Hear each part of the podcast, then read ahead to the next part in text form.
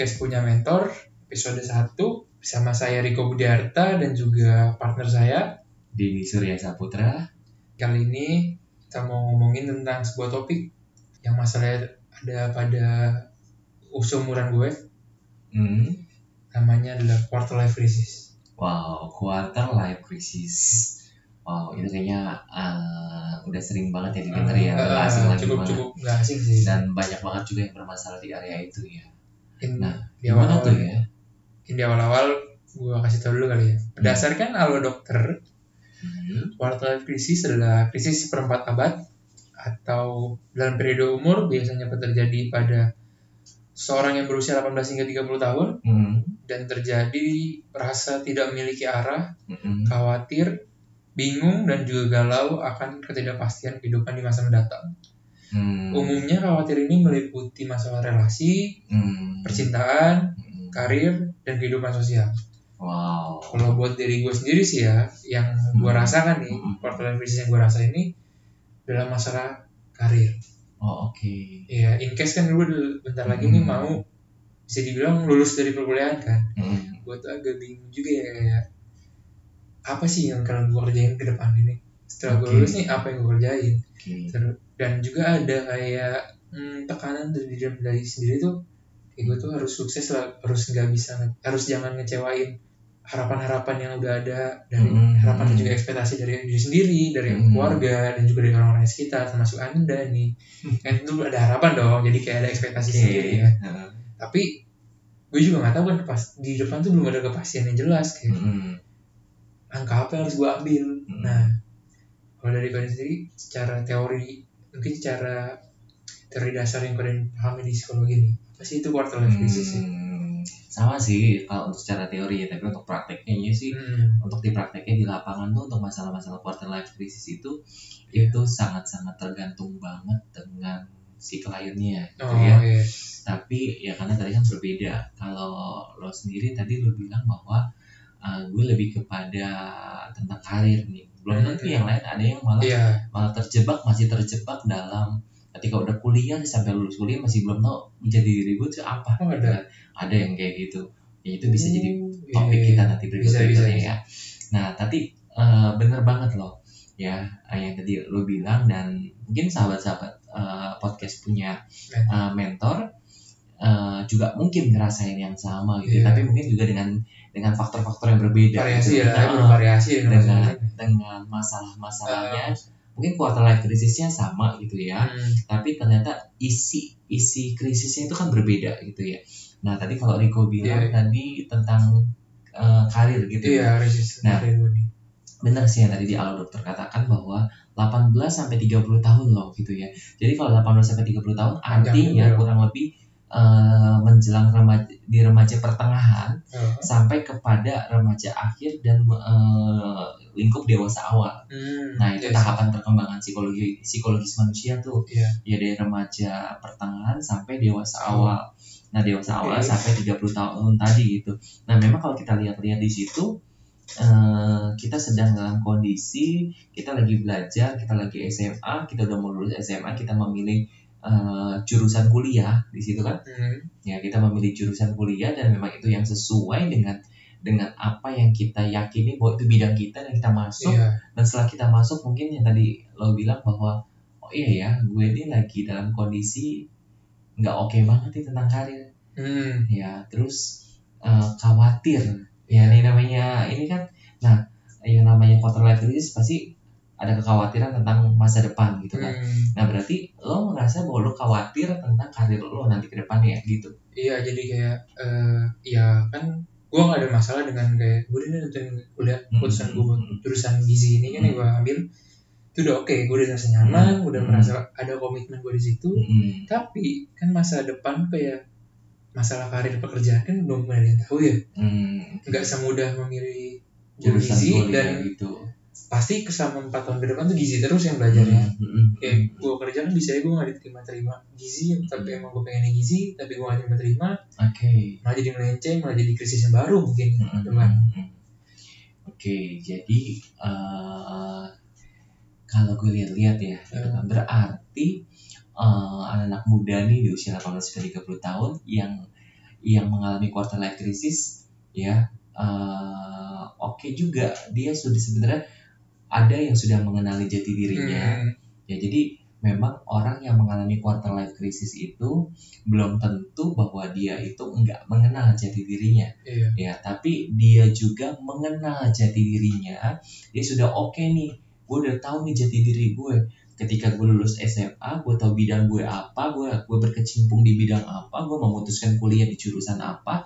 Dan ketika di pertengahan udah sampai akhir kuliah nah lu gue lanjutin ke mana nih? Nah iya. Iya iya iya kurang lebih gitu sih Ah. kurang lebih. terus pada saat seperti itu khawatir memang kenapa kok bisa memuncul eh, muncul khawatir? Tadi lo bilang bahwa eh, nggak semudah seperti gue eh, Iya. memilih jurusan kuliah.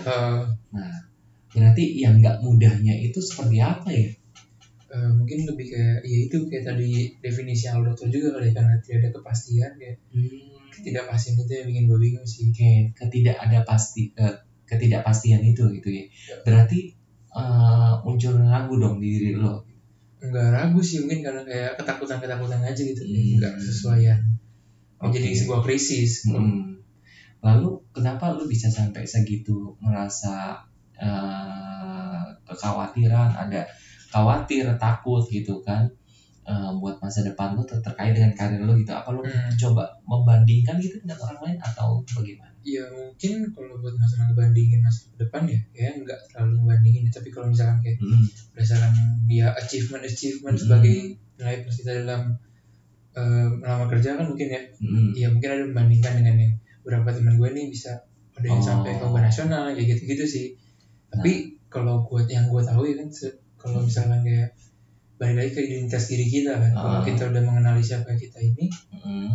bisa nanganin itu kan bisa kayak eh, mencegah krisisnya itu terjadi dalam diri gue Oke, nah berarti kalau walaupun ada sedikit-sedikit membandingkan diri dengan Iya. teman-teman yang mungkin udah punya achievement, udah Hmm. punya prestasi dan pencapaian-pencapaian, berarti lu memba eh, secara tidak langsung eh, berkata kepada diri sendiri, bertanya kepada diri sendiri, achievement gue itu apa sehingga membuat gue yakin nih untuk gue bisa berkembang di karir gue nanti gitu. ya kurang lebih sih kayak gue tuh udah ngapain sih Oke. yang bisa ngelihat plus kan kalau berdasarkan teori personal branding tuh Hmm. lu harus punya keunikan diri lu sendiri Oke, memiliki keunikan sendiri. Berarti Iya. maksudnya adalah ketika lo merasa yakin dengan lo punya keunikan diri sendiri, artinya lo bisa itu membuat bisa membuat lo menjadi lebih lebih percaya diri untuk eh, mengembangkan karir. Hmm, iya. Itu dong kalau gue kenalin. Mungkin balik ke pertanyaan yang biasa lu ngomongin juga kali ya. Oke. tentang siapa saya ini kan. Buat Oh, yang pada saat dulu oke. waktu mengenalkan diri. Oke, oke, kenapa lu oke. bikin dia? Lu kenalin siapa saya? Nah, kalau kayak gitu berarti kan eh, kalau gue lihat-lihat nih ya gitu ya, berarti lo itu untuk bisa menang dari quarter life crisis adalah bagaimana lo bisa menemukan keunikan diri lo sendiri dan lo bisa sehingga lo bisa tahu apa sih yang menjadi kemampuan gue gitu. ya kurang lebih kayak gitu sih Oke. Nah, kalau lo mau bagiin buat teman-teman nih ya, buat apa namanya sahabat uh, Iya. podcast punya mentor nih gitu kan kita kan juga mau tahu ya teman-teman ya sahabat-sahabat podcast punya mentor apa sih yang ada di dalam diri nih kira-kira uh, yang lo anggap itu sebagai keunikan lo dalam hidup lo Hmm, buat saat ini sih mungkin apa ya ya mungkin lagi dicoba-coba dulu kali ya oke kayak, kayak contohnya nih bikin podcast ini kan salah satu langkah buat coba-coba hmm. bener gak sih kayak apa Kayak hubungannya keunikan dengan coba-coba hmm, kayak men- men-trial lah kayak gue tuh yakin udah punya keyakinan Hmm. kalau uni gue di sini tapi Hmm. apakah it, works apakah itu sesuai dengan standar yang ada di dunia Ya, Hmm. sesuai dengan standar yang ada oke lebih gitu sih kayak. Hmm. ya gue gue coba dulu apakah skill gue yang gue rasa gue punya kelebihan ini apakah sesuai dengan oke dunia apa? Cuman standar apa cuman biasa-biasa aja? Hmm. gimana? Kelebihan apa yang lo maksud di situ? Mungkin salah satunya selain kelebihan dan juga minat gue juga kayak berkomunikasi kayak ngobrol kita gini loh. Berarti secara nggak langsung bahwa lo melihat bahwa di dalam diri lo ada keunikan. Yang pertama adalah eh, gue pengen nih berkomunikasi dan gue pengen mengembangkan kemampuan berkomunikasi gue. hmm, iya, Berarti iya. lo punya eh, punya keyakinan bahwa gue mampu berkomunikasi gitu Iya. ya berkomunikasi dengan orang lain atau diri sendiri nih ya mungkin dengan orang lain lebih Oke. baik dengan diri sendiri Uh, Oke, I think uh, apa namanya itu berarti interpersonal communication. hmm yes Oke, is, Interpersonal. is it right? yes Oke. Jadi uh, yang yang Riko maksudkan adalah yang lo maksudin itu lu punya kemampuan untuk komunikasi interpersonal. Hmm. Oke, terus apalagi tuh yang yang lu lihat bahwa lu tuh punya punya kemampuan yang memang kayaknya oke nih gue ini. Ya nggak harus nggak harus 100% oke sih, tapi paling tidak gue bisa nih dengan yang gue yang gue uh, punya nih kemampuan. kalau buat kemampuan ya buat saat ini sih mungkin gue masih belum tahu ya buat kemampuan gue satu lagi ini apa apa itu wajar ya Bren?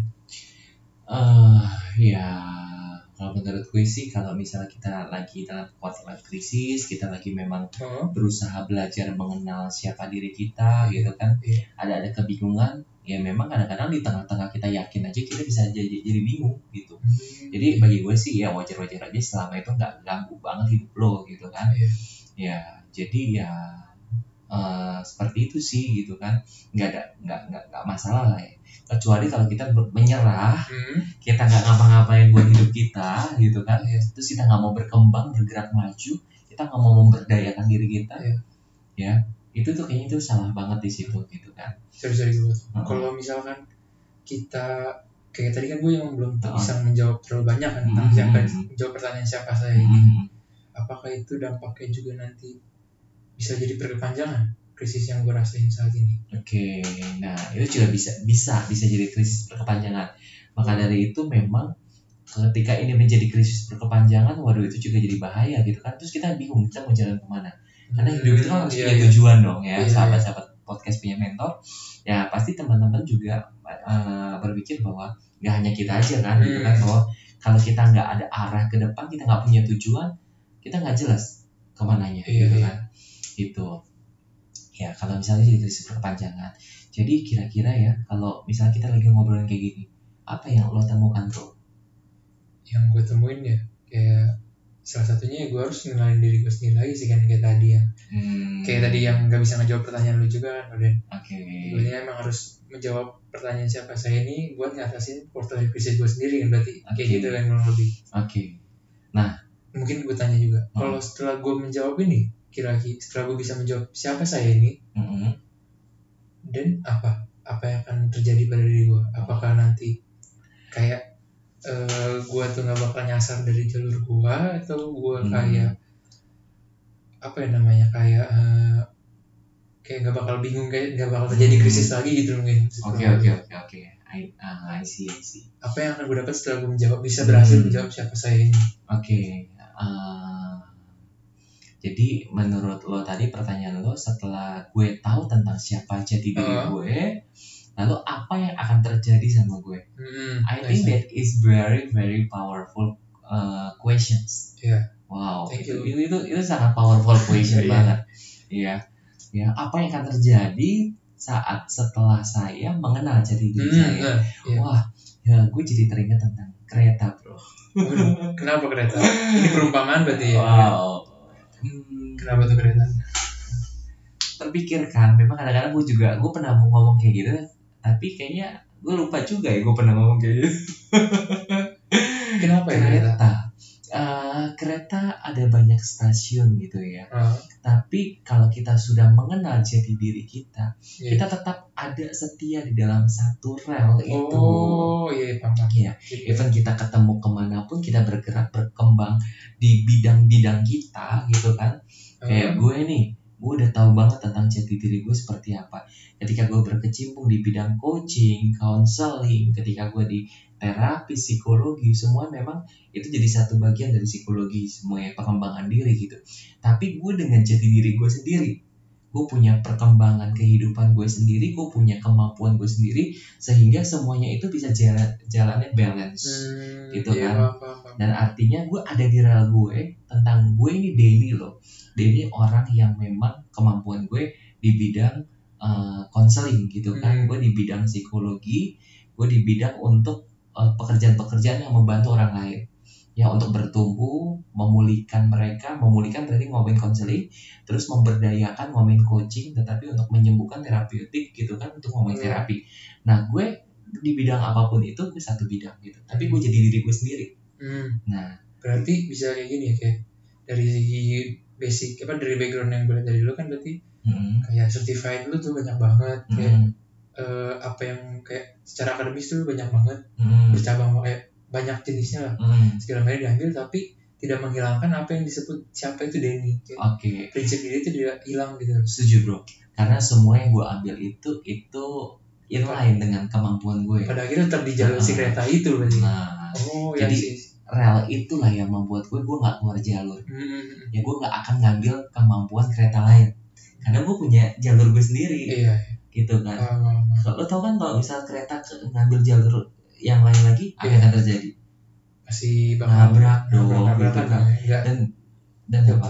dan ya kacau jadi kacau kan? Krisis berarti ya kalau gue nabrak ke- untuk punya bidang orang lain tapi gue nggak bisa Heeh. gue ngacauin kemampuan profesi orang lain dong. Iya dan gue ngambil-ngambil kemampuan orang lain. Ya udah gue bergerak deh. Karena gue berpikir ada satu ada satu motivasi buat gue kayak gini ada jangan pernah takut sama orang yang punya banyak sekali usaha untuk kemampuan ini ini itu ini itu. Tapi takutlah sama satu orang yang mengembangkan satu kemampuannya sampai serius banget. Hmm, wow. Jadi kan Iya. memang kayaknya uh, match banget dengan apa yang lu bilang tadi bahwa gue ini harus ngerti banget jati diri gue gitu kan.